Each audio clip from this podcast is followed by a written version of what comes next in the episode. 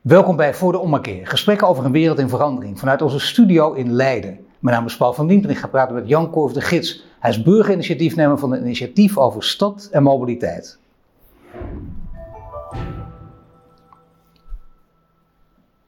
Welkom Jan. Je zit hier bij een landelijke zender met potentieel 10 miljoen kijkers. Dus ja, we willen wel weten wat een, iemand met een, met een stadsinitiatief, gericht op één stad Utrecht, op een landelijke zender doet. Nou, dat is ook heel interessant geweest hoe we tien jaar geleden dat initiatief startten. Uh, dat heette toen Kracht van Utrecht, dat heet nog steeds zo.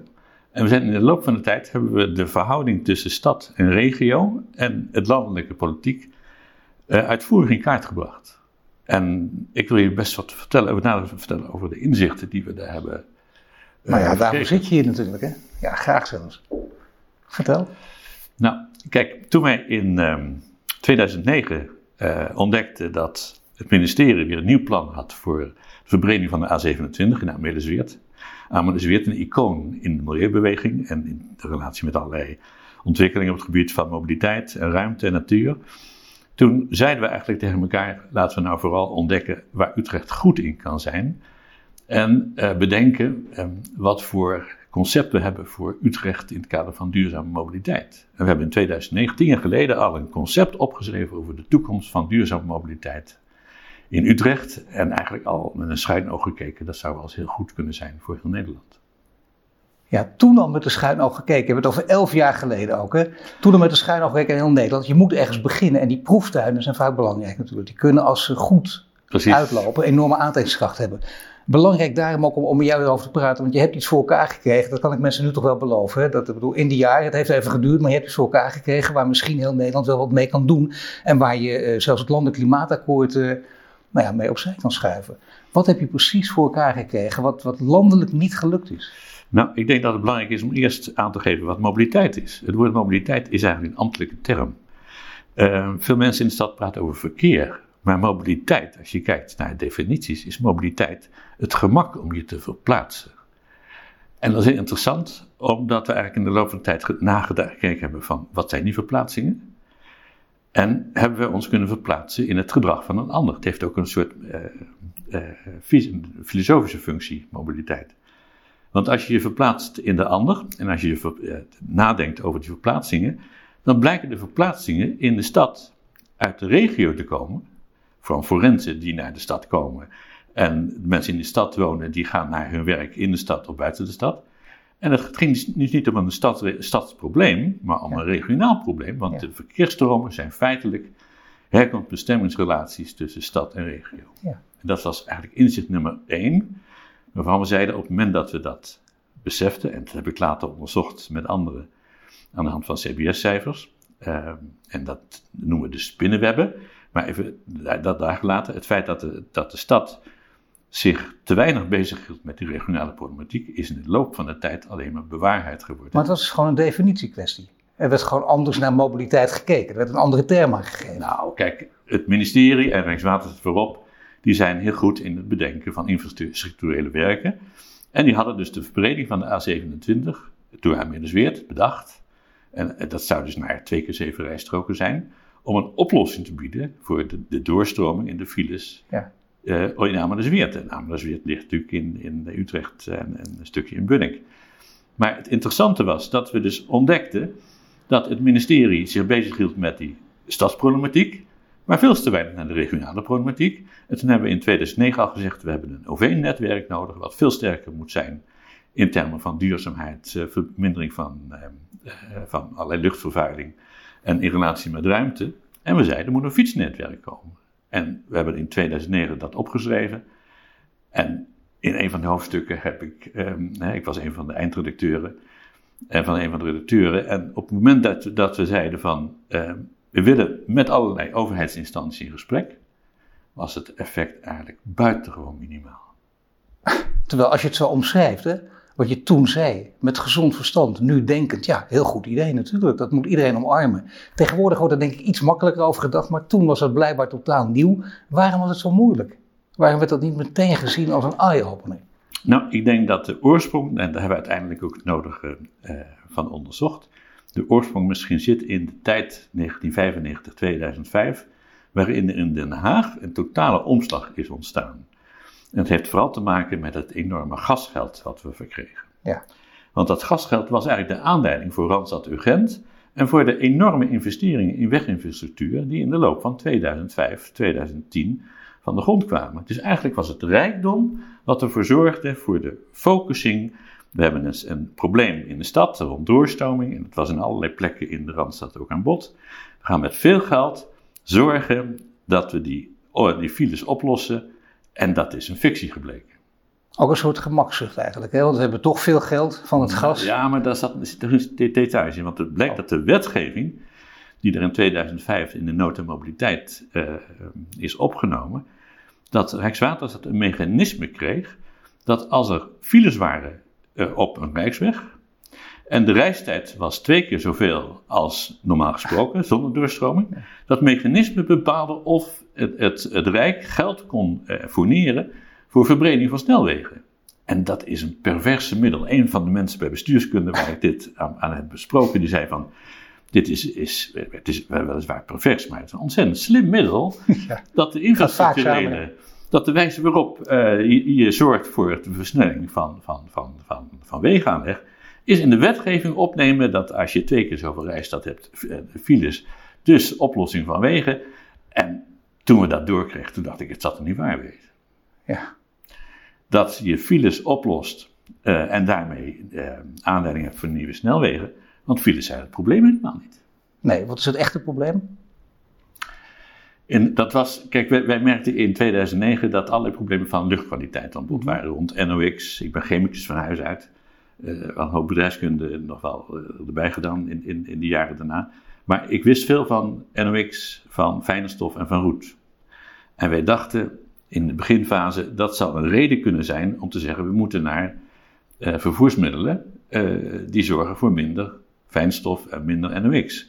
Nou, de fiets was natuurlijk belangrijk en het openbaar vervoer is belangrijk. Dus dat gaf ook een, een soort grondslag om te komen tot die. Uh, Mag je toch even onderbreken? Als je dit zegt, nogmaals, het is belangrijk hè, dat je dat toen dacht, in 2009. We hebben het nu over 2020.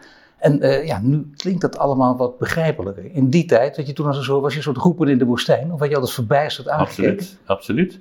Maar er waren wel mensen, en dat is wel kenmerkend voor de stad, en het feit dat we nu met die proeftuin bezig is, het is uh, zo'n stad Utrecht, zitten hier nou in Leiden, maar Utrecht heeft een hele, bijzondere uh, plek in de stad. het is de grens van de Randstad. Er zijn enorm veel mensen die in Den Haag werken, en die in Amsterdam werken, die elders werken. En die veel kennis hebben van die fantastische landschappen die we hebben. We hebben het Loosdrecht met de plas. We hebben de Veenweides aan het Groene Hart aan de andere kant. We hebben de Amersweert. En het feit dat die natuur en die luchtkwaliteit en de kwaliteit van leven door heel veel mensen werd gewaardeerd, dat maakte dat we eigenlijk al zoveel bijstand kregen. Jongens, we moeten die kant op. En dat was tien geleden eigenlijk ook al zo. Ja. Maar toen heb je gezegd, het, het, duurt lang. Je bent er nog steeds mee actief om dat voor elkaar te krijgen. Je moet dus ook wel zelf een, eh, laten we zeggen, heel zacht uitgedrukt een, enorm, een onverzettelijk type zijn. Ja, maar tegelijkertijd, het feit, we hebben dat rapport in 2009 gemaakt omdat ik toen zei van, welke mensen heb ik nodig om in, een paar weken dat rapport te maken? Dat is in een paar weken tot stand gekomen. Ja.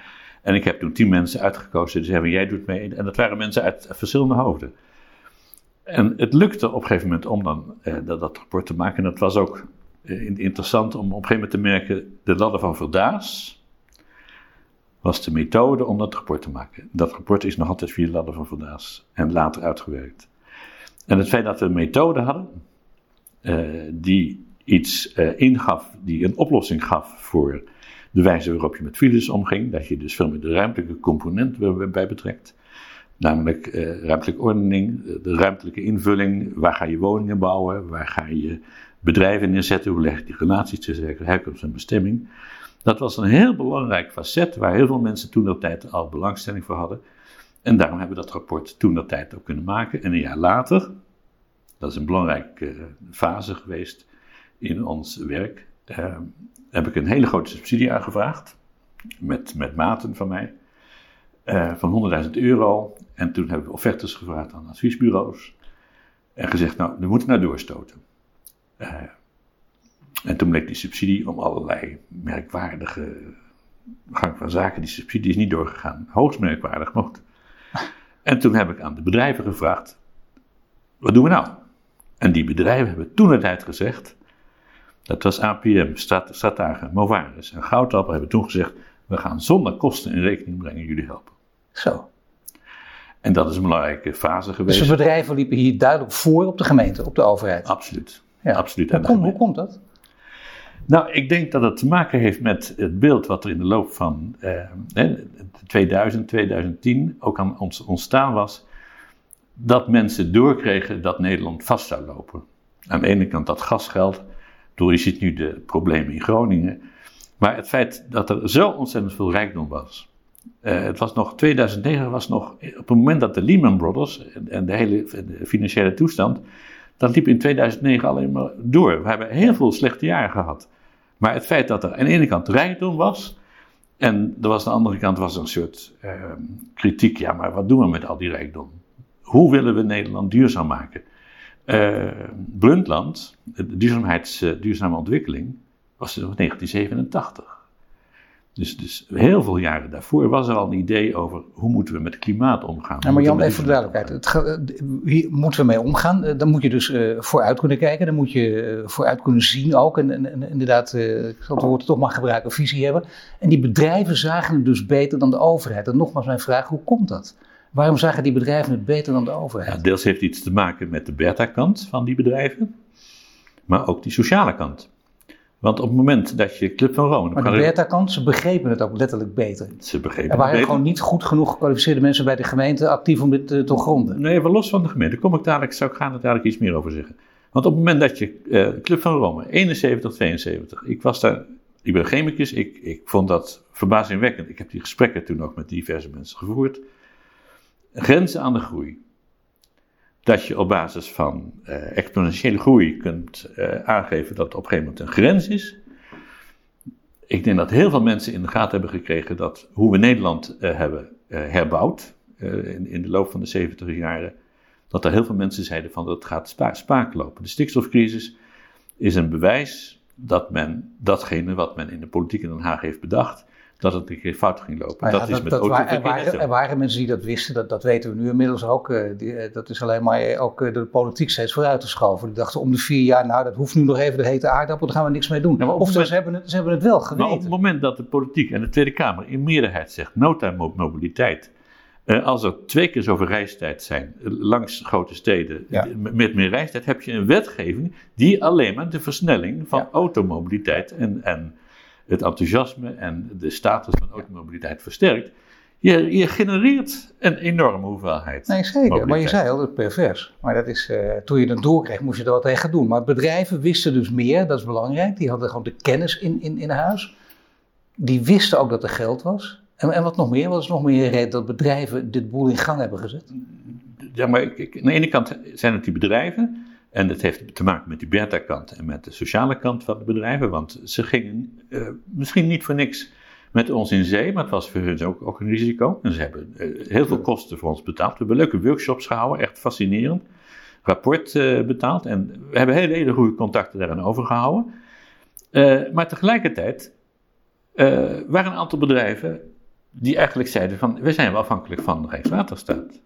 En een van die bedrijven heb ik een directeur op bezoek gehad en zei van, jongens, we moeten afscheid nemen. En die hebben gezegd, nou dan zullen we de contacten wel voortzetten, maar dat was wel een teken aan de wand. Ja, natuurlijk. Dat het uiteindelijk de kracht van Utrecht 2.0 heeft geleid tot uh, enorme discussie en dynamiek in de stad. Dat had ook nog te maken met uh, de verschillende uh, stadsdelen in Nederland. Dat is ook niet doorgegaan, de bestuursregio. Um, bestuursregio uh, Midden-Nederland. Daar zaten ook een aantal mensen bij die rond OV actief waren. En die ons ook deels geholpen hebben met jongens, we moeten door. En het feit dat we in 2010 nog niet zo ver um, de boel op orde hadden en dat we ook in gesprek met de overheid in gesprek konden komen, had veel te maken met de politieke situatie. En wat was die situatie? Nou, 2008, 2009, crisis. En tegelijkertijd kreeg je in de stad en een aantal jaren later in de provincie hele andere colleges van burgemeester en wethouders. Uh, die eigenlijk oppikten wat we eigenlijk hadden gesignaleerd. Problemen van luchtkwaliteit, uh, problemen van roet. En de wethouders voor verkeer, uh, die zeiden eigenlijk ook van daar moeten we wat aan doen.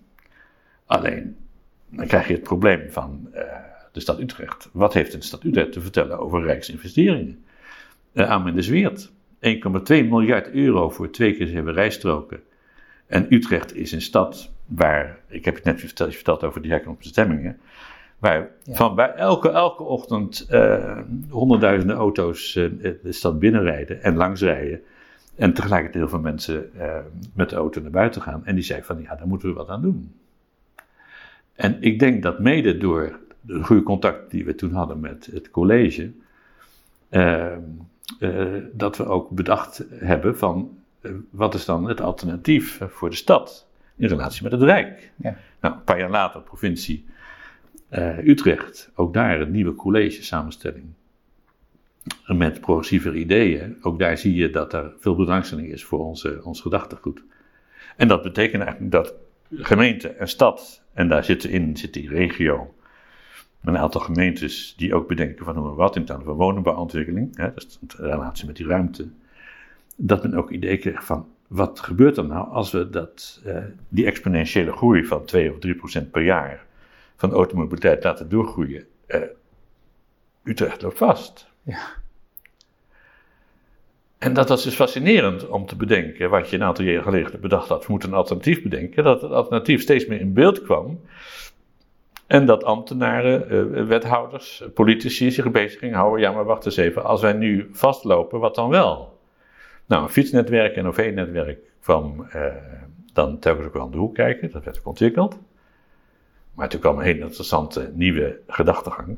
Het is fiets en trein wat een oplossing biedt. En dat was eigenlijk het element waarop ik zeg: van de ene kant uh, gemeentes, college van bestuur, politiek aan het veranderen.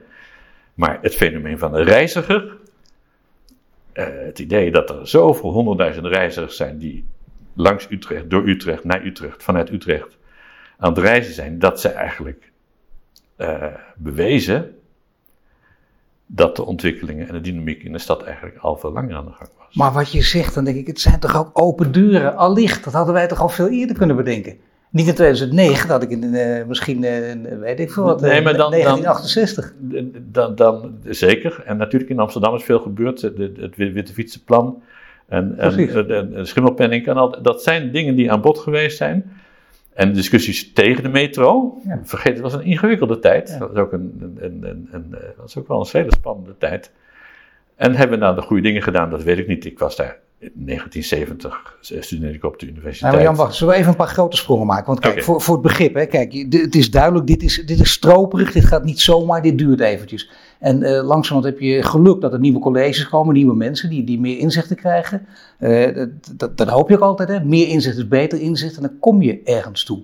Alleen, waar kom je toe? Je komt tot een proeftuin die, waarvan je denkt, die is zo goed dat die een voorbeeld is voor het hele land. En hoe ziet die proeftuin eruit? Wat, wat is nu het voorbeeld dat jij voor het hele land te bieden hebt? Nou, kijk, in eerste instantie denk ik dat die reiziger centraal staat. Ik denk dat als er zoveel reizigers zijn die met de fiets naar het station komen, en die hebben dat bedacht ondanks beleid. Dus die overheid heeft niets gedaan om het fietsstimulatie, dat is ook bewezen in alle fietsberaden. De overheid heeft niets gedaan om fiets te stimuleren. Dat zijn de reizigers zelf die hebben ontdacht: ik ga met mijn fiets naar het station.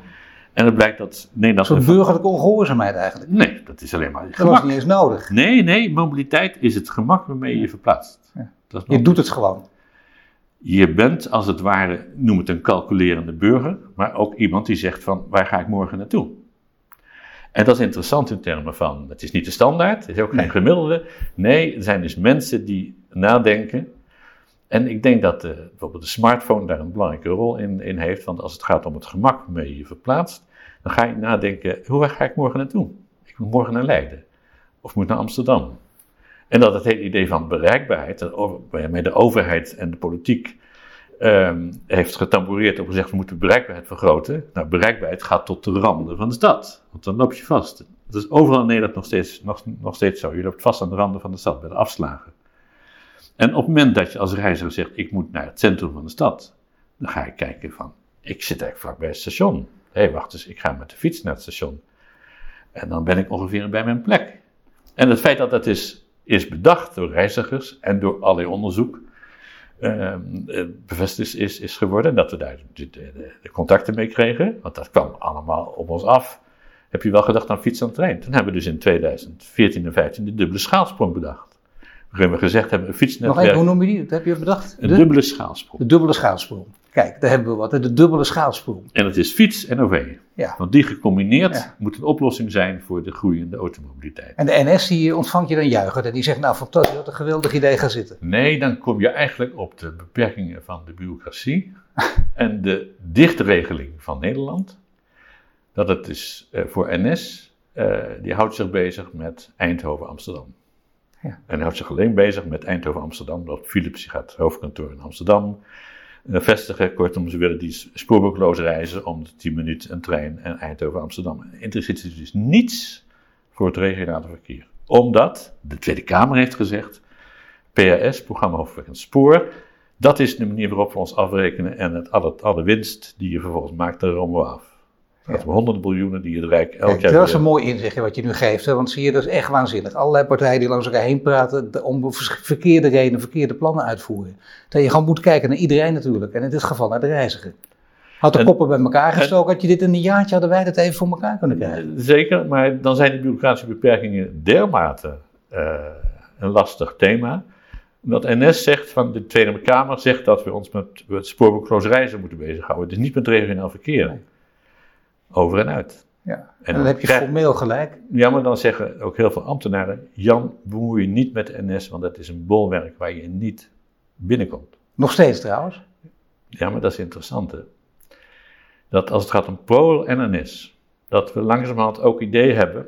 Eh, wacht eens, als dus de taakopvatting van NS iets is van Den Haag, dan moet de Tweede Kamer ook zeggen tegen uh, eh, NS hou je je bezig met de regionale, uh, regionale spoor. We hebben in Utrecht, Utrecht en omgeving, de regio, 15 stations. Ja. En die 15 stations, daar staan steeds meer fietsen. Nee, dat is gek. Zouden de mensen al zo slim zijn en trouwens Al van de Rijn, of noem maar de plekken. nee, maar zouden mensen al zo slim zijn? Ik denk dat mensen die zijn veel strategischer als wat de overheid denkt. Ja. Sterker nog, ik denk dat de overheid een volstrekt verkeerd beeld heeft van de burger. Want ze gaan uit van een gemiddelde burger, van een standaardburger. En die burger is automobilist. Uh, die rijdt, uh, uh, die moet je dus vooral faciliteren door files op te lossen. En dat is ongeveer wat Den Haag. Uh, wat Den Haag en dat die uh, trein een fiets kan pakken en dat hij dat in steeds grotere getalen doet. Uh, ja, maar dat, past niet, dat past niet in het plaatje. Wie betaalt die fietsenstalling bij het station? Oh jee. Ja, daar begint het bij. Ja. Wie betaalt het fietspad naar het station? Dat is de gemeente. En het kenmerk van de Rijksfinanciën is dat het Rijk heel veel geld heeft, gasgeld. En dat ze in de crisis zaten, dus van, van, van, eigenlijk ook zei de minister we hebben de crisis nodig om meer infrastructuur uit te leggen. Kortom, we hebben nu juist dat geld nodig om die crisis op te lossen. Oftewel, de minister zei van, ja, we kunnen niet, niet uh, zorgen voor andere dingen. Dus kortom, infrastructuur, weginfrastructuur is hartstikke belangrijk. En tegelijkertijd gemeentes die geen geld hebben voor fietspaden. Ja. Uh, provincies die hebben concessies voor, het, uh, voor, voor, voor busconcessies mogen zich niet bezig hebben met het spoor. Kortom, volstrekte opdeling, verkokering in beleid dat we dachten van, het is bureaucratisch dichtgemetseld. Maar nog steeds, het is nog steeds bureaucratisch dichtgemetseld of gaat dit verhaal naar, naar, naar een fantastische ontknoping toe? Die ontknoping, eh, dat is, nou, kijk die proeftuin is interessant. Want op het moment dat we zeggen een voorbeeldregio, zeggen we als we nou in Utrecht onze zaakjes zelf zouden kunnen oplossen, hè? stel dat. Ja. Even los van al die beperkingen. Dan zeggen we eigenlijk, als het gaat om regionale verkeers- en vervoersstromen. En natuurlijk dus een stukje doorgaand verkeer, maar dat is veel kleiner dan wat mensen denken. Als het gaat om de regionale verkeers- en vervoersstroom, moeten we dus weten wat zijn de herkomstbestemmingen. En wat blijkt? Niemand weet wat de herkomstbestemmingen zijn van anno 2020. Maar niemand weet wie zijn dan de partijen in, in dit geheel, want dat is handig om te weten. Het ministerie, gemeente en provincie. Want ministerie, zijn, gemeente, provincie. Ze zijn allemaal de boom naar elkaar Ze zijn allemaal bezig met 2040. Ja. Oftewel, ver weg uh, handig om dat ver weg te plaatsen. Terwijl het gaat om 2030, het gaat om het klimaatakkoord. Halvering van de CO2-emissies. En dat is fascinerend om in, in dat uh, krachtenveld te opereren en te vragen van wie weet het aantal reizigers in de regio? NS weet alles van de treinreizigers. Ja. Maar ze publiceren de tevredenheid en, en, de schoonheid van de treinen, maar ze publiceren niet de aantallen. Dat is concurrentiegevoelig.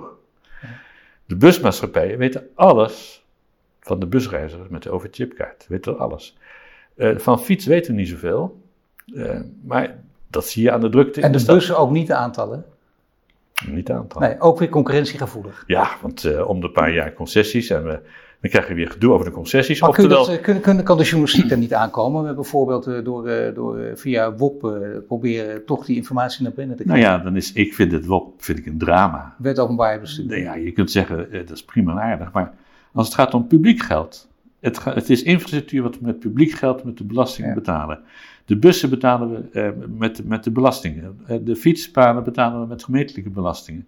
Het is potverdikkie, het is publiek geld waarvan we het zo hebben georganiseerd dat bureaucratisch alles is dichtgemetseld en tegelijkertijd de kerngegevens. Uh, Hoeveel reizigers zijn er nu in de regio? En dan zegt iedereen overchip. En dan met een argument van privacy. Nou, ik dacht even, je ging, je ging een beetje schelden, potverdikkie, maar nu begrijp ik het ook. Het is bijna te gek voor woorden, maar dan is de wet openbaarheid bestuur toch fantastisch. Want dan krijg je dit toch, dan kan ik toch afdwingen dat ze die aantallen. ik ben er nu ook heel benieuwd naar, hoe zit dat? En nee, nee, dat, dat, snap ik. Maatschappij? Ik snap dat. Het is de vraag of je daar boos over moet worden. Maar dan is de vraag, dan moet je bij al die instanties langs, al die procedures. En dan weten ze binnen de kortste tijd de vertraging, weet ik wat.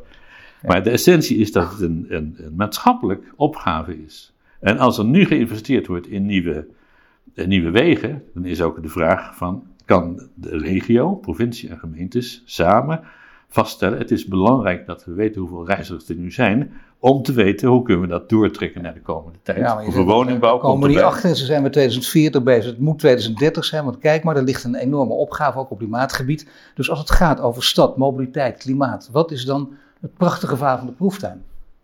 De proeftuin. Heb je me beloofd hè, dat een prachtig verhaal zou zeker, worden. Tot, Nu toe, tot nu toe is het ten als het, als het dus gaat om de proeftuin, is dat we met reizigers in gesprek zijn. En dat er onderzoeksvragen formuleren. Dat is bijvoorbeeld eh, hoeveel reizigers zijn er uh, nu op dit moment. En de reizigers deelgenoot maken van het probleem. Maar wacht even, je probeert dus de NS gewoon te omzeilen. We hebben die wet openbaar het bestuur niet nodig, want je kunt gewoon zelf door eigen onderzoeken achterkomen hoeveel reizigers er zijn. En zelf aantallen publiceren. Mag ik een voorbeeld noemen? Uh, als je zou iedereen met een sticker zou belasten, hè? die op, met de fietsenstalling, die grote fietsenstalling, op het Utrecht station, en een stickertje, ik heb mijn fietsenstalling gebruikt. En die laat je in de trein allerlei instructies, dan zie je dat er zoveel mensen met de fiets naar het station komen. Er zijn zo ontzettend veel mensen die met de fiets naar de trein komen, dat het een kwestie is van het vuurtje opstoken, dat je meer mensen met de fiets naar de trein laat komen. Maar dan moet er misschien, ten aanzien van de indeling van, eh, van, de, van de dienstregeling, dat alle 15 stations, dat uh, een paar van die stations een functie krijgen in van intercity of een ander soort stoptrein of een, de ouderwetse sneltrein weer terug. En dat beeld kan natuurlijk het, het sterkste uh, aangewakkerd worden door mensen die zeggen: wij hebben behoefte aan die snellere en makkelijke. Maar is het geen goed idee van jou? Dan start een, een, een landelijk of misschien dan een, in, in dit geval lokale uh, stickeractie. Ten voorbeeld, om die proeftuin nog eens onder de aandacht te brengen. En kijk, de manier waarop er zijn allerlei dingen die in die proeftuin aan bod. We hebben allerlei suggesties voor. Het feit belangrijk is dat we weten dat de reiziger eigenlijk al lang aan het nadenken is over de toekomst van mobiliteit. Ja. Dat hij elke dag nadenkt over wat ga ik vandaag doen? Ga ik vandaag telewerken of ga ik een, een, een, uh, mijn, bedrijf vragen om een elektrische fiets? Of, en dat, is er, dat hele mobiliteitsbudget van bedrijven is nu uh, alom in beeld. En we hebben de koplopers in beeld. En is de vraag, niet, niet naar gemiddelde aard van bedrijven, maar de koplopers, die zorgen ervoor in Utrecht dat die proeftijden vanzelf gaat draaien. Wie zijn, wie, wie zijn, die koplopers? Kun je er een paar noemen? Echt goede voorbeelden? Nou, Ziggo Vodafone is dan zo'n grote, grote, grote jongen. Uh, duizenden werknemers, hoofdkantoor op Utrecht Centraal. En die hebben alle leaseauto's afgeschaft. Ja. Dat is natuurlijk een mooie combinatie, want je ziet dat bedrijven ook meer naar stations, naar nieuwe locaties gaan. Arcadis heeft alle kantoren naar stations verschoven. Maar Ziggo Vodafone... Rabobank zit er ook al heel lang in Utrecht. Zeker, maar die zit, hoort ook vlakbij het station. Maar het feit dat er uh, Ziggo Vodafone alle leaseauto's zijn afgeschaft en iedereen heeft een jaarkaart OV gekregen. die mensen ook nog eens een keer voor privé kunnen gebruiken. Maar dat is, dit zijn dus, hier weer bedrijfsleven, die nemen het voortouw, dan ga je door, dwars die politieke lijnen heen, dan wacht je die, bureaucratie, die bureaucratie niet af en dan kun je het zelf van elkaar krijgen. Ja, en belangrijk is voor de proeftuin dat we dus ook in de gaten hebben dat die omslag in denken, dat is ook een woord wat we eigenlijk in 2009 eh, al in beeld hadden, dat we dus willen peilen bij wie is die omslag in denken aan de orde. Dan heb je deels de mensen bij HR, dus de mhm. mensen bij personeelszaken, mensen die uh, anderen hebben aangestoken met de fiets naar het bedrijf te komen. En die dus willen dat er een komt en dat er douches komen en dat soort dingen. Dus het gaat op een aantal mensen die het omslag en denken in het bedrijf kunnen stimuleren. En de proeftuin is de verzameling van reizigers die met elkaar zeggen van we gaan het zelf organiseren. En dat is een burgerinitiatief en je geeft zelf het goede voorbeeld. Je zegt kijk, wat wij hier doen, dat kun je in het hele land gaan doen. Nou, en dan moet je wel aan toe. Kan, het, niet? nog, kan het alleen maar in Utrecht? Nee, nee, nee. nee. Utrecht voorbeeldregio. Uh, tegelijkertijd denk ik uh, dat je, als je kijkt naar allerlei steden in uh, de wereld, dat de rol van de fiets en de rol van OV. Want Nederland heeft een fantastisch fietsnetwerk. Ja, zeker. We hebben de fiets als exportproduct. We hebben OV, het spoor in, in dat kan de toets, de kritiek met de rest van de wereld, fantastisch doen samen. We hebben een fantastisch spoor. We hebben ontzettend veel stations. Dus als je dat hele idee van duurzame mobiliteit, wat we tien jaar geleden hebben bedacht, elf jaar geleden bedacht, dat is een exportproduct. En dat is waar die bedrijven. En dan geen gezeur met Rijk, gemeente, provincie, door elkaar heen, 2040. Haal het naar voren. Ga niet zeuren over wie wat betaalt. Stel, eh, zet de koppen bij elkaar. Ja, maar zet, bedrijfsleven erbij. Dan zie, je, dan zie je Londen heeft zowel het beheer van de metro als van de wegen in beeld. Stockholm heeft uh, de relatie met prijsbeleid, heeft een soort toegangsbelasting. Uh, een soort tol waarin je uh, zo gewoon niet binnenkomt. Als je, dus het wordt dat prijsbeleid natuurlijk een fantastisch middel is om uh, 10, 20 procent van het verkeer van de weg te halen. Omdat je dan nu ook voor moet betalen. Maar ja, nu kom je eh, op een politieke kwestie, eh, letterlijk partijpolitieke kwestie zelfs. Ik bedoel, dit burgerinitiatief, heeft het ook een politieke kleur of niet? Of zitten hier mensen van alle gezinten? Alle gezinten. En het feit dat we, en je noemde al de klimaatdiscussie. Toen het klimaatakkoord in, in, in, in beeld kwam, heb ik aan de voorzitter van de mobiliteitstafel ook gevraagd van in hoeverre kunnen we vanuit de regio daarin meepraten. En toen zei Annemiek Nijl zei ook van ga met het regionale initiatief door, want zij had al in de gaten dat het regionale uh, belang groot was. En het feit is dat er nu aan bod is in 2030 halvering van CO2-uitstoot voor hmm. mobiliteit.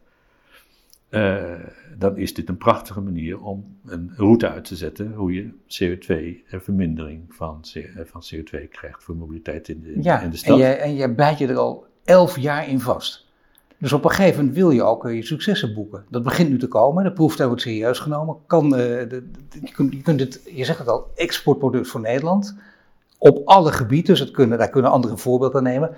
Er komt er een keer een punt achter, dat je denkt van nou, nu is het, nu is het gebeurd. Of denk je dat je hier nog op 2030, ja, dat we, je nog op 2040 mee bezig? Nee, nee, nee, maar dat, dat is ook Als je het haalt, hè?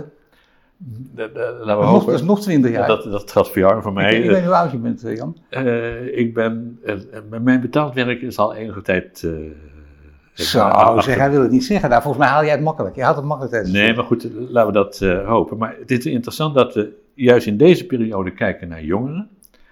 En het is fascinerend om nu met uh, jonge studenten en uh, mensen die uh, allerlei gedachten over de stad bezig zijn. Ja, slimme mobiliteit. En, ja, maar slim. Het, nou, zo noemen ze dat toch? Nee, slim. Nee?